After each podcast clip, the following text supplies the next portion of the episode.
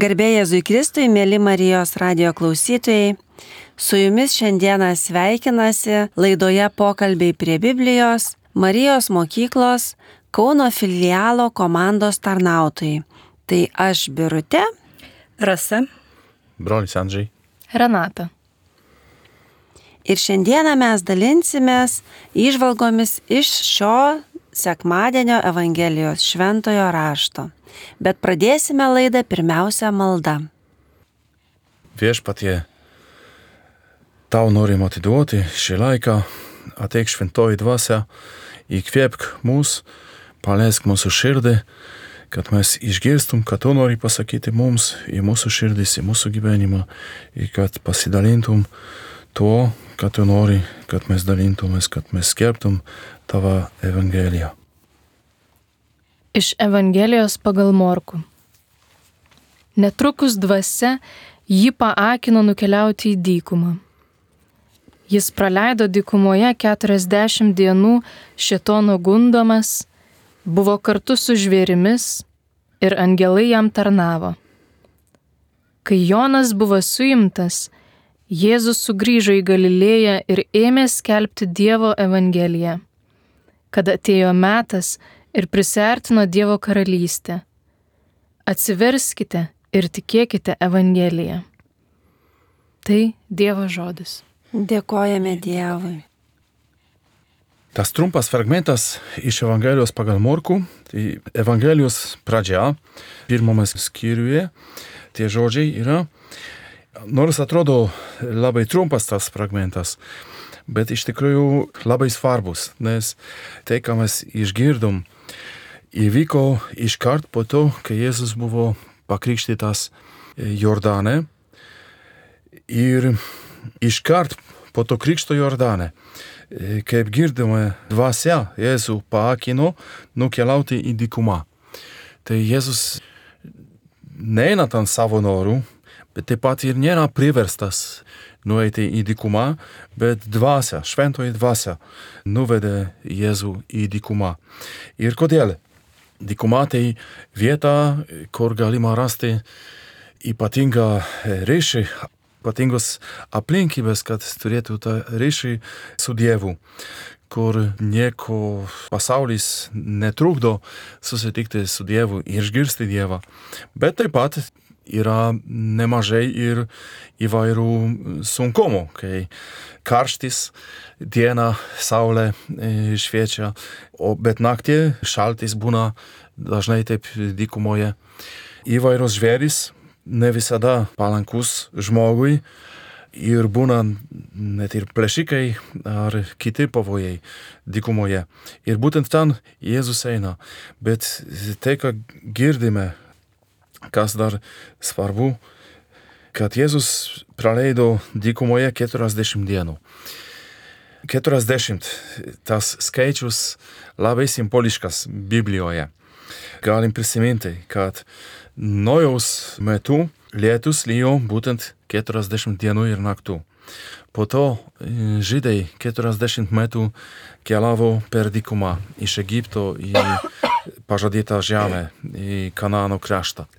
Elijas dykumoje, kai reikėjo bėgti nuo karalienės, buvo persekiojamas ir pabėgo į dykumą, tai buvo būtent 40 dienų pranašas Elijas. Ir dabar girdime, kad ir Jėzus 40 dienų buvo dykumoje. Ir ten buvo išgyveno išbandymo laiką, nes girdime, kad buvo šetono gundomas. Bet girdime, kad ir buvo kartu su žvėrimis ir angelai jam tarnavo. Ir galime čia pamatyti vėl čia sugrįžimas į rojų. Nes pirmieji žmonės, Adomas ir Jėva, rojuje būtent viską tai išgyveno. Buvo tarp žvėrių, gyveno su žvėrimis. Harmonijai tai labai svarbu, nes čia buvo dar prieš nuodame. Tenai, rojuje, angelai tarnavo pirmiems žmonėms ir patyrė irgi to šetono gundimą. Patyrė. Ir matome, kad Jėzus tarsi sugrįžta į rojų ir tokiu būdu parodo mums, žmonėms, kad jis atėjo tikrai e, į pasaulį, tapo žmogumi, patirti tai, kas tenka patirti žmogui kasdien. Kad žmogus gyvena šiame pasaulyje tarp tų žemiškų būtybių, kaip žvėris, kaip įvairi gyvūnai, bet taip pat negalim pamiršti, kad yra tas antgamtinis pasaulis, tai angelai, kurie yra tarp mūsų ir jie pasiūsti pas mus, kad mums tarnauti. Ir taip pat ir mes patiriam šetono gundimą. Ir Jėzus tai viską patyrė. Jis solidarus su mumis. Ir kad toliau girdime, kai Jėzus tam dykumoje sužinojo, kad Jonas buvo suimtas. Jonas Krikštytojas. Iš kitos vietos Evangelijos žinome, kad buvo suimtas už tai, kad skelbė tiesą. O konkrečiai už tai, kad karaliui Erodui skelbė tiesą, kad jis gyvena nuodėmėje ir, ir nevala taip gyventi. Tai už tą tiesą buvo Jonas suimtas, po to buvo ir nukirzdintas. Ir Jėzui tas Jono Krikštytojo suėmimas Tai yra ženklas, kad jis turi pradėti savo misiją. Jėzus buvo tęsė tą misiją Jono Krikštytojo. Žinoma, kad Jonas buvo Jėzaus Kristaus pirmtakas ir Jėzus pratęsė tą, tą misiją, bet taip pat žinome, kad tęsė ją jau naujų būdų. Jonas Krikštytojas pats sakė, kad paskui mane eina galingesnis už mane kuriem aš nevertas batų nurenkti nuo jo kojų. Jėzus Kristus tikrai galingesnis už Jono Krikštytojo ir iškart žmonės tai pamatė, kad nustebino Jėzus jų ir, ir sakė, kaž naujas mokymas kažkoks su, su gala, ne kaip kiti rašto aiškintojai, tai ne kaip Jonas, kuris buvo prieš Jėzaus. Tai Jėzus pradeda tą savo misiją Galilėjoje galėjo irgi svarbu vieta ne tik šiaip, kad kažkur tai turėjo įvykti, bet ta vieta, kurioje nu, iš vienos pusės gyveno žydai ir Jėzus iš žydų kilmės, bet tas kraštas buvo toks, kur tie žydai buvo sumaišyti su, su pagoniais kaip pranašiais seniau skelbė, kad Galilėja pagonių kraštas. Ir būtent tenai Jėzus pradeda skelbti savo evangeliją. Baigė Jeruzalėje. Ir baigė savo misiją, nu, taip žmogus akimis žiūrint, tai nelabai laimingai, nes ant kryžiaus mirtyje. Ir pradeda skelbti evangeliją. Ir kad girdime, gerąją Dievo naujieną arba kitam vertime Dievo Evangeliją. Ir tai irgi svarbu žinoti Evangeliją Jėzaus laikų. Tai buvo mums, tai dabar susiję su knyga. Mes turim knygą, vieną iš knygų Biblijoje ir tai mums reiškia Evangeliją.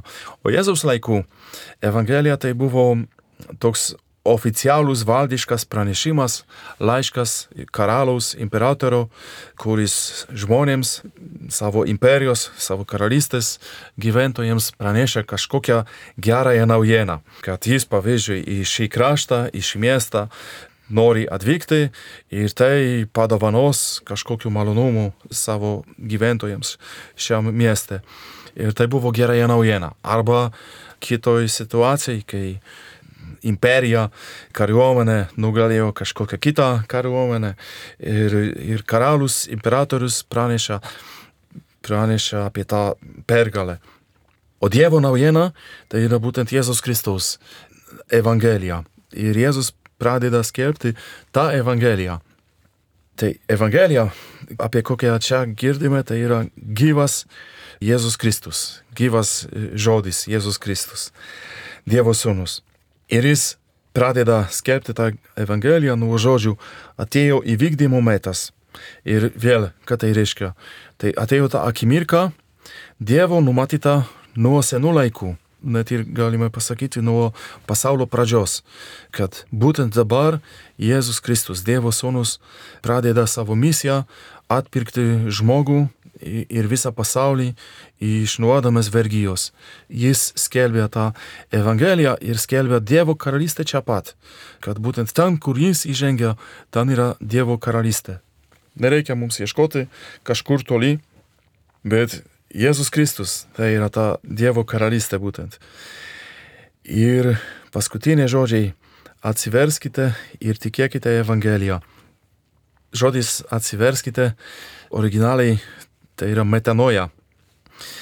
Metanoja tai galime irgi išversti perkeiskite savo mąstymą. Žodžiu, kad priimti Evangeliją reikia perkeisti savo mąstymą. Ir konkrečiai, ką tai reiškia? Tai reiškia priimti, kad aš esu nusidėjėlis, kad aš esu silpnas žmogus, nusidėjėlis ir man reikia išganytojo. Ir aš pats negaliu iš tos vergyjos, iš tos nuodėmės išeiti, todėl man būtina reikia išganytojo. Ir Jėzus Kristus ateina kaip tas išganytojas. Ir jis sako, atsiverskite, žodžiu, perkėskite savo mąstymą ir tikėkite Evangeliją tikėkite tai, ką aš jums skelbiu. Jau kaip žinome visą Evangeliją šiandien. Jėzus tai pradėjo tik pradžioje. Dar tie, kurie klausė Jėzų tada, dar nežinojo, bet mes šiandien žinom Evangeliją, kad Dievas yra meilė. Jis tai atėjo mums. Tai Jėzus mums sako, pairkėskite savo mąstymą ir tikėkite, kad Dievas yra meilė, kad Jis nori jūs tikrai išgelbėti nenori pavogti iš jūsų, atimti kažkos, nenori jūs nakankinti, bet būtent nori jūs išgelbėti, atneša jums laisvę, atneša jums laimę. Tai yra būtent ta Dievo Evangelija, kokią skelbė Jėzus. Ir mes šiandien esame pakviesti, kaip Jėzus buvo vedamas per šventąją dvasę į dykumą, tai gavėnios pradžia mums irgi kaip tas pakvietimas išeiti į dykumą. Ačiū labai broliui Andžiai už tokį išsamų ir, ir gražų įvadą. Tikrai daug kas paaiškėja, nes tikrai būčiau klaususi ir, ir, ir, ir ka, kaip suprasti tą žodį Evangeliją. Ir gal labiausiai tai norėtųsi man reaguoti į, į tą pačią pabaigą, kur Andžiejus kalbėjo, kad žmonės kviečiami yra į tą metanoją, perkeisti mąstymą. Ir iš tikrųjų tai, na, anais laikais, jeigu Jėzus taip nuo to pradėjo, skelbimo pradžia, ar ne, tas skyrius vadinasi, skelbimo pradžia, jisai buvo pakrikštytas, paskui praėjo gundimą dykumoje ir paskui pradėjo skelbti, tai jisai nuo to pradėjo. Tai iš tikrųjų, reiškia, buvo žmonėms, nu tai sunku priimti, tai nebuvo jų mąstymas natūralus ir jie galvojo kažkaip kitaip. Kaip brolis Andžėjos sakė, kad nori greičiausiai atimti kažką, tai Dievas, nori kažko, nu, ne pačių geriausių dalykų man. Tai aš matau, kad dabar jau praėjo 2000 metų, mes jau žinome Evangeliją, mes jau žinom, kad Dievas yra meilė.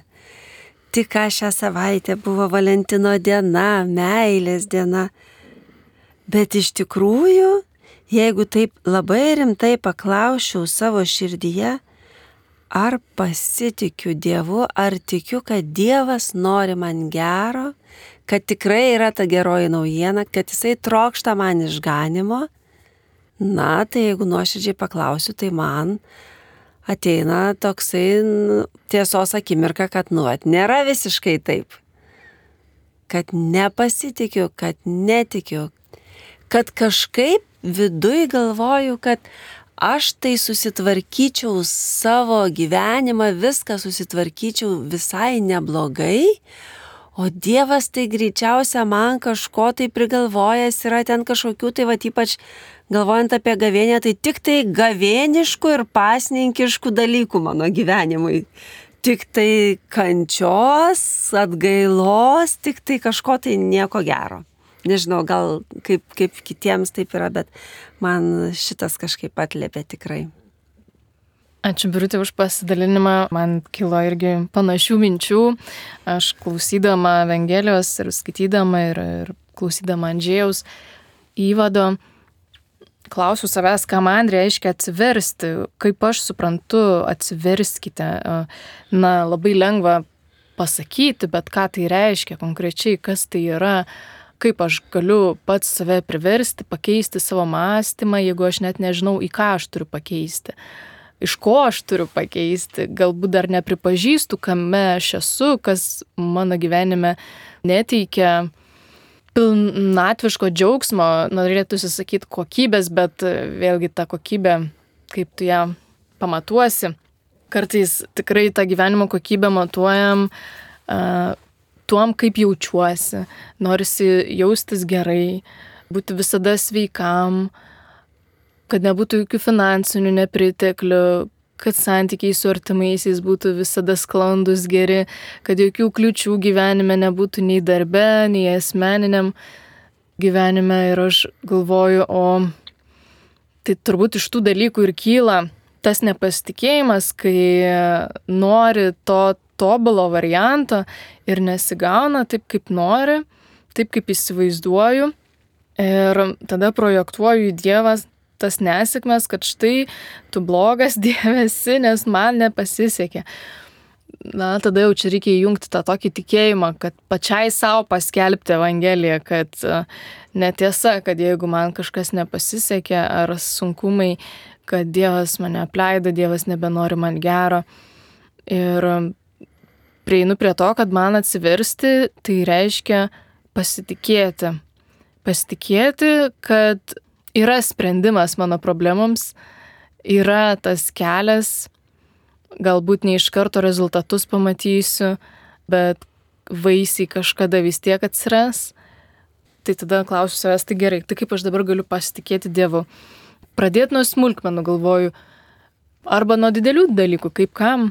Tarkim, mano situacijoje aš galvoju, na, pasitikėsiu, kad bus taip, kaip jisai nori, aš ieškosiu galimybių, sprendimų, ieškosiu išmintingų žmonių, jų patarimo, domėsiuosi, bet visuomet paliksiu, na, gal pauzę tokią padarysiu, sustosiu, kad Dieve, va, štai aš darau, bet žinai, jeigu čia visai nepakeliui, tai tada tu kreipk mano žingsnius.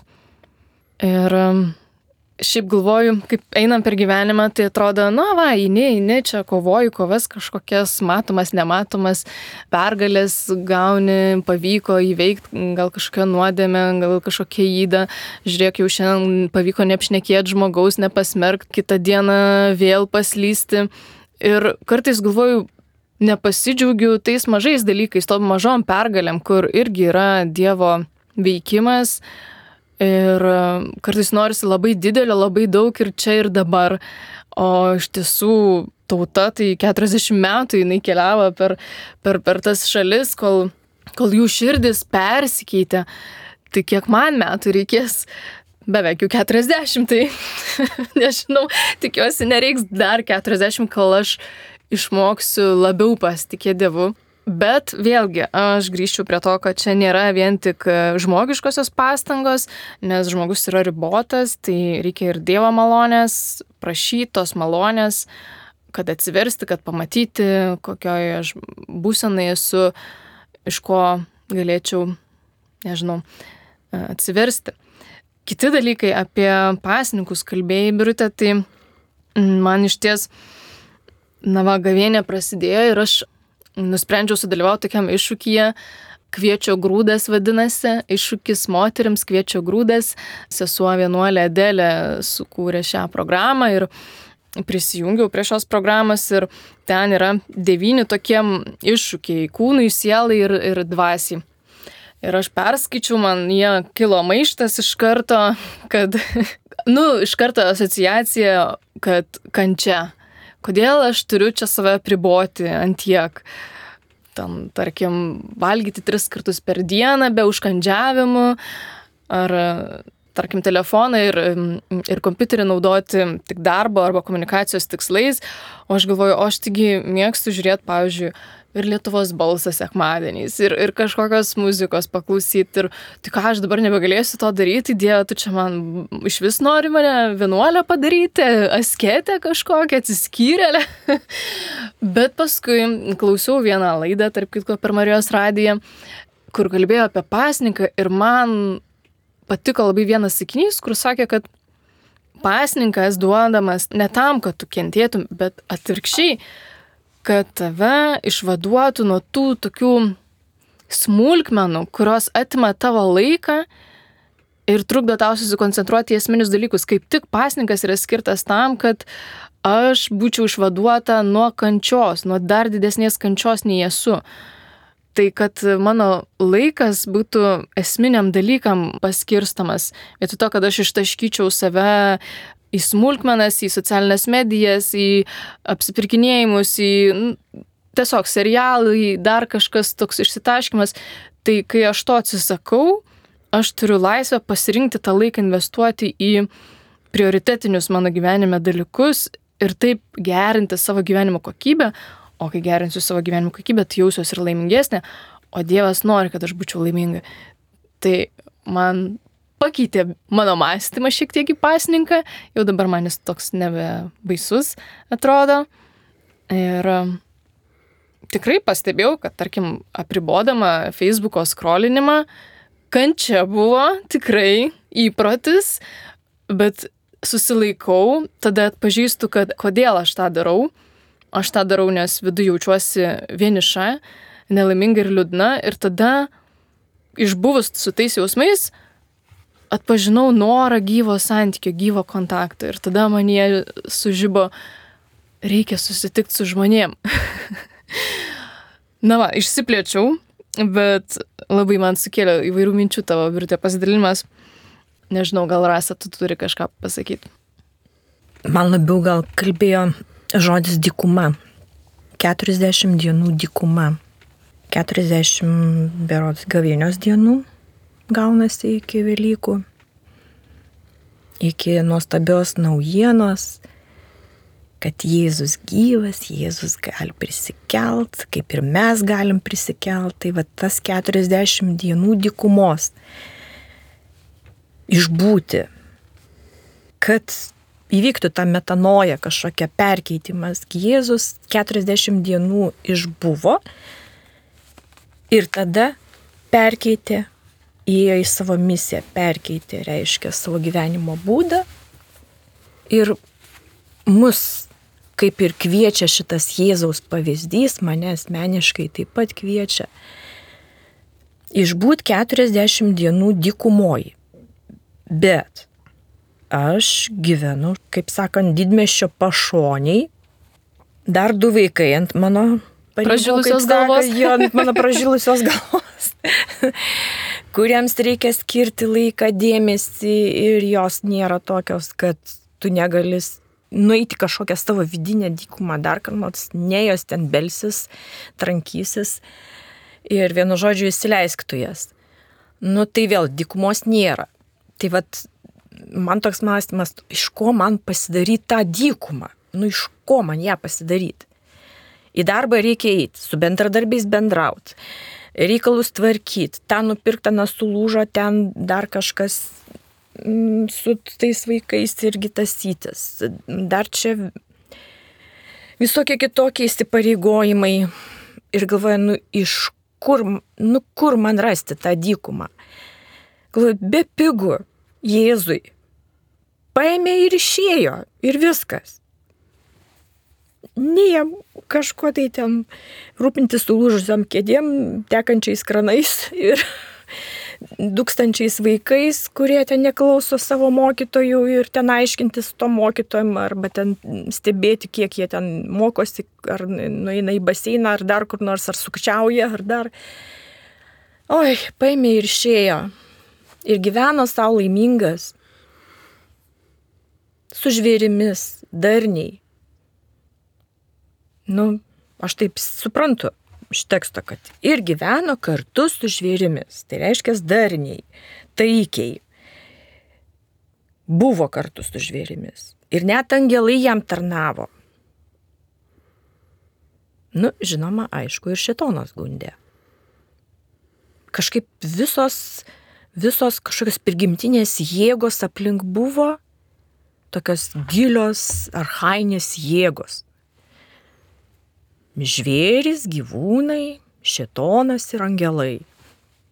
Nu, va, kur rasti šito didmešio gausmė, va tokią dykumą, kur tu grįžtum iki arhaikos tokios, va, iki tos pasaulio pradžių pradžios. Nes čia yra pati pradžia tokia.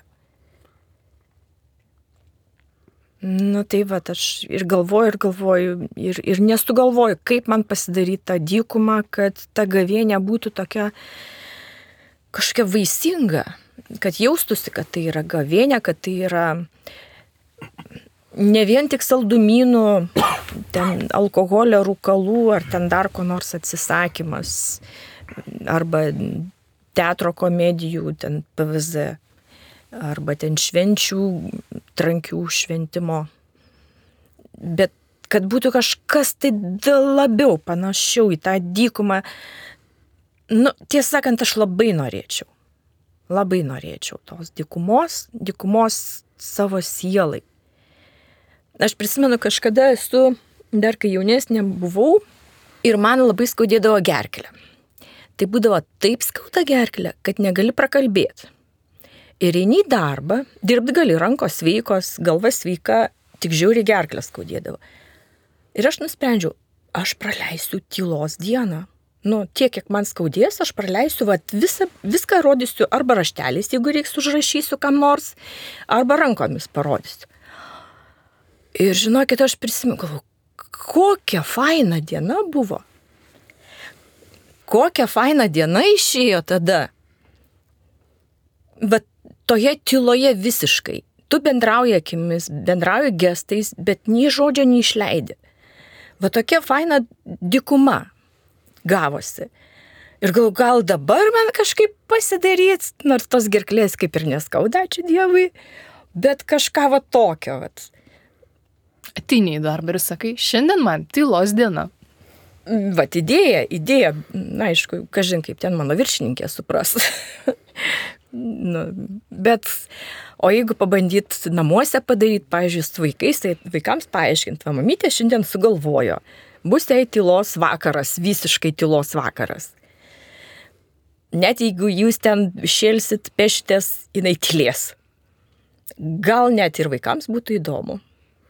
Nu, vat, vat, tokia dabar man idėja šovė, tai aš, aš galvoju, nu, vat reikia kažkaip pasidaryti tą dykumos dieną, kad atgyvint kažkaip, bet, kad kažkas persikeistų manyje, kad kalbėtų ne, ne lūpos, ne, ne balsas, o kalbėtų kažkaip, kad girdėtų ausis, vidinės ausis, tos pradėtų kažką girdėti.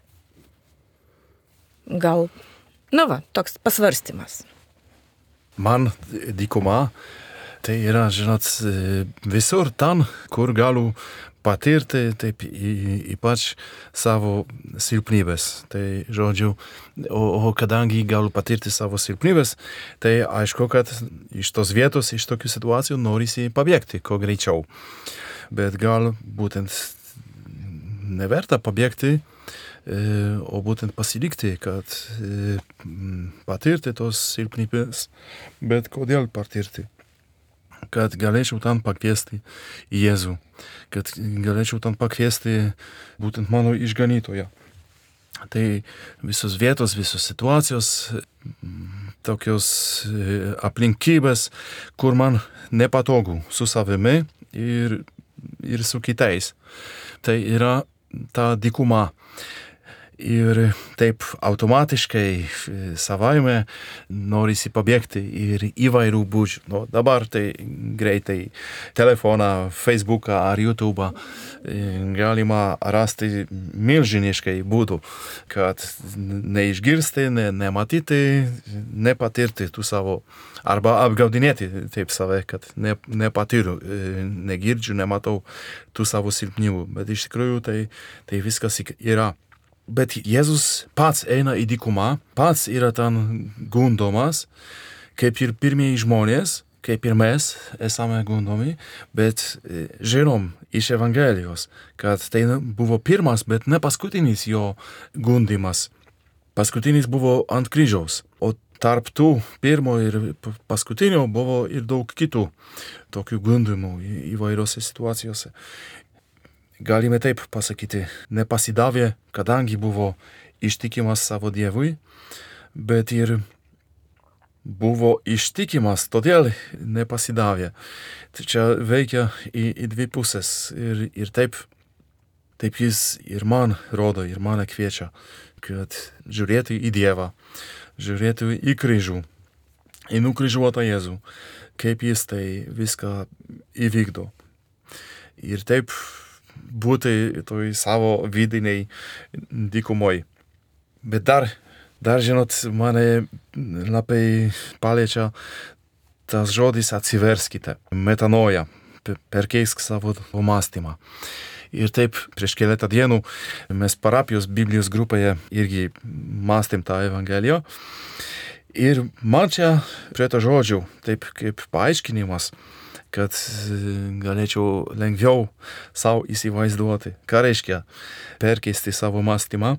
Prisiminiau toks yra įrašas video internete, Facebook'e tam vaikšto, kur yra su tokiu komentaru, kad tam vaikas taip maždaug 3-4 metų tam įraše yra. Ir mama kažkokią tą, paraš, tą, tą įrašą padarė ir, ir irgi komentarą. Ir tame komentare yra toks, toks dialogas vaiko su mama. Vaikas klausia, mama, ar galiu suvalgyti obolį? Mama sako, bet čia svogūnas. O jis sako, ne, čia obolys. Mama sako, ne, čia svogūnas. Vaikas, ne, čia obolys. Mama sako, gerai, tai valgyk. Nu ir jis paima tą, tą svogūną, nes čia tikrai svogūnas buvo, ir valgo. Ir matosi, kad kenčia labai, kad veidas visas raudonas, ašaros bėga, bet valgo, nes čia obolys nenori ir nesugeba prisipažinti, kad suklydo, kad, kad čia tikrai svogūnas ir kenčia. Ir aišku, svogūnas tikrai jam sveikatai ne, nepakenkia, bet dabar apie mūsų mąstymą. Mes būtent dažnai taip vaikiškai, labai vaikiškai suprantame nuodėmę, kad ta nuodėmė iš tikrųjų kenkia mums, bet vis tiek aš vaidinu, kad čia man gerai su tą nuodėmę ir iš tikrųjų jokios problemos nėra. Ir jau ne vaiko gyvenimo, galime taip prisiminti vaizdų, kokie visi ar savo gyvenime patiriam arba matom savo aplinkoje kaip alkoholikas pavyzdžiui. Ne? Nu, dažniausiai alkoholikas ne, nepripažįsta, kad, kad tas alkoholis jam kenkia. Tik, nu, sako, čia viskas gerai su manim, aš jokių problemų neturiu, tai kiekvieną akimirką galiu negerti, o šiaip geriu, nes čia, nu, paprastai man patinka. Taip, skonis geras ir arba dėl sveikatos, arba dar kažką panašiai. Bet ne, neprisipažins, kad, kad kenkia, kad jis skęsta alkoholyje. Taip pat ir apie narkotikų galima sakyti, bet ir apie visų kitų, apie priklausomybės nuo telefonų, nuo apsipirkimų, nuo grožio, nuo tokios e, e, valdžios, kurią turiu. Ir nesvarbu, ar tai valdžia politikoje ar, ar mano šeimoje, kad kiti mane visi klausytų, ar darbe, Ir dar daug kitų dalykų, kai, kai iš tikrųjų nuodėmė, kokią darau, man kenkia, man naikina mano gyvenimą, bet aš nenoriu pripažįsti, kad čia man blogai su tuo. Ir perkeisti savo gyvenimą, perkeisti savo mąstymą, kur Jėzus kviečia šiandien, aš tai suprantu, kad būtent pripažinti, kad tikrai tai yra nuodėmė ir tikrai ta nuodėmė naikina mano gyvenimą, veda mane į pražūtį. Tai Jėzus kviečia atsiverskite, perkeiskite savo mąstymą ir tikėkite Evangeliją. Ta Evangelija, kad Dievas yra meilė, kad nuodėmė mane naikina, o Dievas iš tos nuodėmės nori mane išgelbėti. Tas pavyzdys su vaiku man tikrai labai vaizdiškai parodo, kaip aš kartais irgi elgiuosi, kai tarkim, turiu kažkokį tikslą, kažko noriu, įsikimbu į kažką ir va, kenčiu, kaip tas vaikas ašaros rieda, verkiu, bet vis tiek nepaleidžiu, nes galvoju, kad čia yra tas geras dalykas, kurio man nori Dievas. O iš tikrųjų, na, Dievas nori kažką tą tikrą obolį duoti, o aš galvoju, kad čia jau tas svagūnas yra man jau kaip obolys. Na, kitaip tariant, kad, sako, Dievas visada nori pačio geriausio tau, aš ne visada atpažįstu, kas tas pats geriausias yra ir, ir ką jau pakeliui ten radau, pasėmiau nuo žemės ir, ir, ir kramtau, taip sakant, patenkinta, galvodama, kad čia jau tas turbūt obolys, nors ten dantis graužia, viską graužia, bet vaidinu laimingą atseit, nes tik turiu būti laiminga, geradau čia kažką dabar gero, ne va tai galbūt ir naudos davė, bet kaip ir tas svagūnas. E, čia kalbu galbūt ir apie santykius, ar apie darbus, ar, ar, ar na, apie daug ką kiekvienas klausytas galėtų pagalvoti savo gyvenime, kas yra tas dalykas, kur tenkinuos aš galbūt tenkinuos trupiniais vietoj to, kad gaučiau tortą ar ten kokie nors toksiški santykiai, kai, kai tikrai sunku būna paleisti žmogų, nes atrodo, kad jeigu paleisi, tai nieko geresnio nebeteis, to obolio nebus ir net svagūnų nebus, tai jau geriau svagūną bent turėti. Bet čia irgi yra apgaulė, nepasitikėjimas to vaiko, kuris nenori likti tuščiom rankom, jis nori kažką turėti tose rankose, nes atrodo, numirs, jeigu nieko neturės, neištvers, tai jau geriau tą svagūną graužti. Tai va, tai labai ačiū Andžiau, kad pasidalinai, man tokių minčių sukėlė.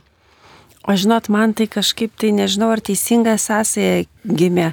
Vat sudėta ir, reiškia, iš šio sekmadienio skaitinius ir gundimas uh, Jėzaus ir jo buvimas dikumoje ir ta žodis atsiverskite. Ir kažkaip tai aš galvoju, va, Andžiejus kalbėjo, kad, na, mes nematom, nematom, o va, kaip pamatyt, o kaip pamatyt. Ir aš galvoju, kad ta dikuma man ir yra tam, kad pamatyt, kad kai aš pamatysiu, kad aš atsiverščiau, nežinau, ar aš čia teisingai galvoju. Tai žinot, aš, kol brolis Andžėjus kalbėjo, aš saukau, bet tai kaip, kaip čia tą pamatymą, kaip čia tą dykumą va, ir, ir to gyvenimo tempe. Ir žinot, aš atsiminiau, kad tikrai man buvo daug kartų, kada aš, pavyzdžiui, išeidavau pasivaikščioti ir, ir, ir tarsi ir kovodavau, kad, ai, gal čia neit pasivaikščioti, nu, pasivaikščiodama, kad e, pasimelščiau, kad pabūčiau su Dievu pasikalbėčiau, ai, gal čia nesvarbu, gal aš čia kambarį pasėdėsiu, ten gal dar kažkas tai šeimos narių televizorių žiūri, gal dar kažkoks tai ten, iš kur dar koks kitas triukšmas girdisi, ai, gal aš čia kambarį greičiau pasimelsiu, bet va, kada išeidavau ir, ir, ir tikrai miške, kur nors gamtoj, net nebūtinai kažkur toli nuo namų, visiškai, visiškai netoliese namų, kitą kartą net ir po kiemą pasivaikščioti ir ten paukštelių tas čiulbesys, tą tokį sukuria, tą tokią erdvę. Ir kiek kartų aš pastebėjau, kad iš tikrųjų tarsi kaip ir įvyko tas galvojimo perkeitimas, nes įvyko pamatymas. Ir man atrodo, aišku, kada išvažiuoji į didelį dalyką, į rekolekcijas, į mišką trim dienom, į dykumą 40 dienų, tai gal ten yra kitoks jau lygis, ar ne? Bet net ir tie 20 minučių, jie padarydavo tikrai pokytį. Ir, ir aš grįžtu po tų 20 minučių, nu ar ten pusvalandžio ar 40 minučių, ir aš suprantu, kad aš jau visai kitaip žvelgiu į situaciją. Aš jau visai kitaip, pavyzdžiui, galvoju susidėlioti savo dieną, susiprioritizuoti laiką, ką daryti, ką nedaryti. O, o, o koksai čia, kas čia įvyko, aš tiesiog kviečiau Dievą į tą savo laiką, aš prašiau malonės Dievo šitam laikui ir, ir Dievas padarė ir Dievas nuveikė tą nuostabų darbą. Arba tiesiog irgi kartais papraktikuodavau tokį, vat, kad ir namuose atsisėst ir tyloje pabūt Dievo artumoje, tarkim, pusvalandį. Ir vyksta ta metanoja. Nes ne aš turbūt ją padarau, bet, bet Dievas tai padaro, Dievas tą dykumą per tą pusvalandį vat kažkaip tai įgyvendina. Tai nežinau, gal kam bus ir naudingi tokie paprasti, paprasti būdai. Man turbūt naudingi. Ypač va, tas pasiūlymas, kad tiesiog pabūti, išsidaryti kažkur, su nieko nekalbėti, nieko nedaryti, niekur nenaršyti, nieko netvarkyti ir nevalyti, nešveist, turbūt taip pat įeitų man kaip, kaip namuose šeimininkiai. Nes visą laiką galvoju, aha, dabar biskit turiu ten 10-15 minučių, nueisiu ten, tą išplausiu, aną sutvarkysiu, aną pataisysiu, aną gėlės palaistysiu ir vis tas, kiekvienas reikalas, visas atsiranda, kurį reikia tvarkyti, daryti ir taip toliau. O va tavo, tavo idėja, kad nors pusvalandį tiesiog nieko nedaryti. Tiesiog klausytis, nu kažko vidaus, aplinkos, klausytis, va tai reikės išbandyti gal čia visai geras va, tas dykumos toks būdas. Ir iš pradžių patartina kviestis šventąją dvasę, būtent, kad šventoji dvasia, nes atsisėdusi tam pusvalandžiui, galvoje vis tiek šveisi pirmiausia, tvarkysi, laistysi gėlės ir visus tos rūpešius ten dėliosiesi. Ko gero. jo, jo, vat, vat, su ta, vat, kreipiant vidinį žvilgsnį į Dievą. Taip. Va taip, kreipiant tą vidinį žvilgsnį, mąstymą į Dievą ir, ir, ir laukiant šventosios dvasios prisilietimo, nuostabaus šventosios dvasios prisilietimo. Mes net to žvilgsnio pakreipti į Dievą nelabai galim, be Dievo pagalbos mums nelabai net išeina, tai prašomės tiesiog tos Dievo pagalbos. Man dar, žinot, svarbu tie žodžiai paskutiniai. Atsiverskite ir tikėkite Evangeliją. Ir aš tai, kaip maščiau, ir čia irgi iš to pokalbio mūsų parapijos grupėje supratau, kaip būtent svarbu ir gyva, kas yra Biblijoje parašyta, kad gyvas yra Dievo žodis ir veiksmingas. Ir aš taip skaitau tie žodžiai, klausau, atsiverskite ir tikėkite Evangeliją. Tai čia net ir pažodžiai, tikslai, kai paimti knygą, Evangelijos knygą, atsiversti ir tikėti. Žodžiu, negaliu patikėti Evangelijai, jeigu jau nežinau, jeigu neskaitau, neklausau e, tos Evangelijos. Tai atsivertimas man asmeniškai dar yra ir tai, kad paprastai atsiversti Bibliją, knygą ir klausyti, ir skaityti Bibliją. Ir aš tada galiu išgirsti, galiu skaityti tai, ką pats niekada jokių būdų negalėčiau sugalvoti. Ir tai, ką Dievas daro mano širdyje, kai aš skaitau Bibliją, tai yra Dievo darbas. O tai, ką aš galiu padaryti, tai paprastai atsiversti Bibliją, atsiversti Evangeliją ir skaityti, ir, ir klausyti. Tik tiek, o visa daugiau tai yra Dievo darbas manyje, mano širdyje ir gyvenime. Mėlyjeji, mūsų laikas jau baigė išsekti, tai tiesiog noriu pakviesti užbaigiamajam žodžiui ir galbūt maldos formą. Iš patiesų dėkojam tau, kad esi atpirkęs mus ir kvieti apsivalyti, apsimarinti, išsivalyti šiukšlės iš savo sielos, iš savo minčių, iš savo aplinkos ir fizinės, ne tik dvasinės. Šventoji dvasia, meldžiu kiekvienam parodyk, kokią dykumą kvieti, galbūt žodžių dykumą, galbūt minčių dykumą, galbūt veiksmų.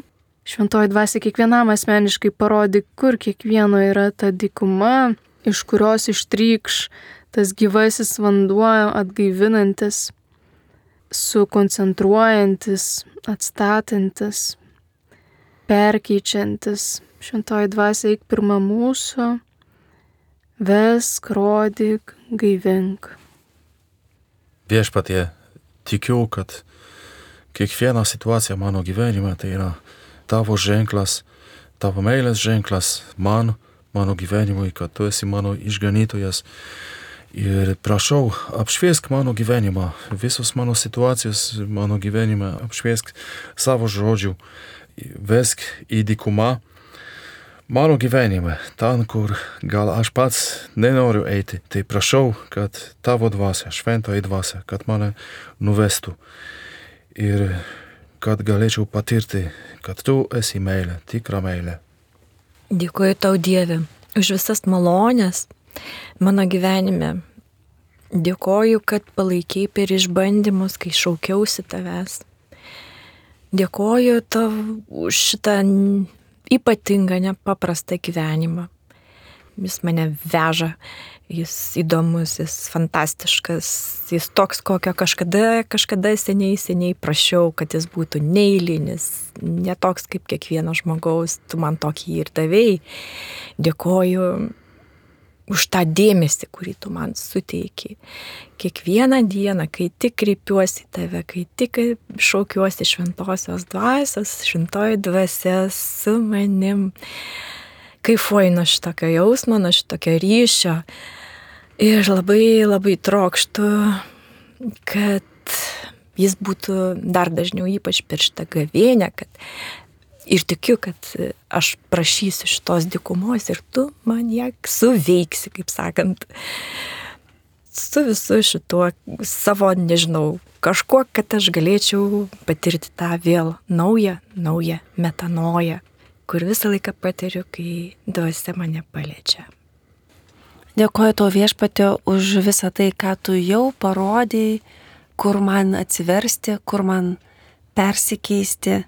Ir labai prašau tavęs šventoji dvasia, labai prašau tavęs viešpatė tų dikumos akimirkų, kur pamatyčiau, ką vėl galiu atnešti viešpatė tavo perkeitimui, tavo prisikėlimui viešpatė. Viso to prašom per Kristų mūsų viešpatį. Amen. Dėkojame, mėly Marijos radio klausytojai, kad buvote šį laiką su mumis. Tai buvo laida pokalbiai prie Biblijos ir su jomis išvalgomis apie šventąjį raštą dalinosi Marijos mokyklos Kauno komandos nariai. Tai aš Birutė. Rasa. Brolis Andžiai Kapucinas. Ir Renata. Su Dievu. Sudie. Su Dievu.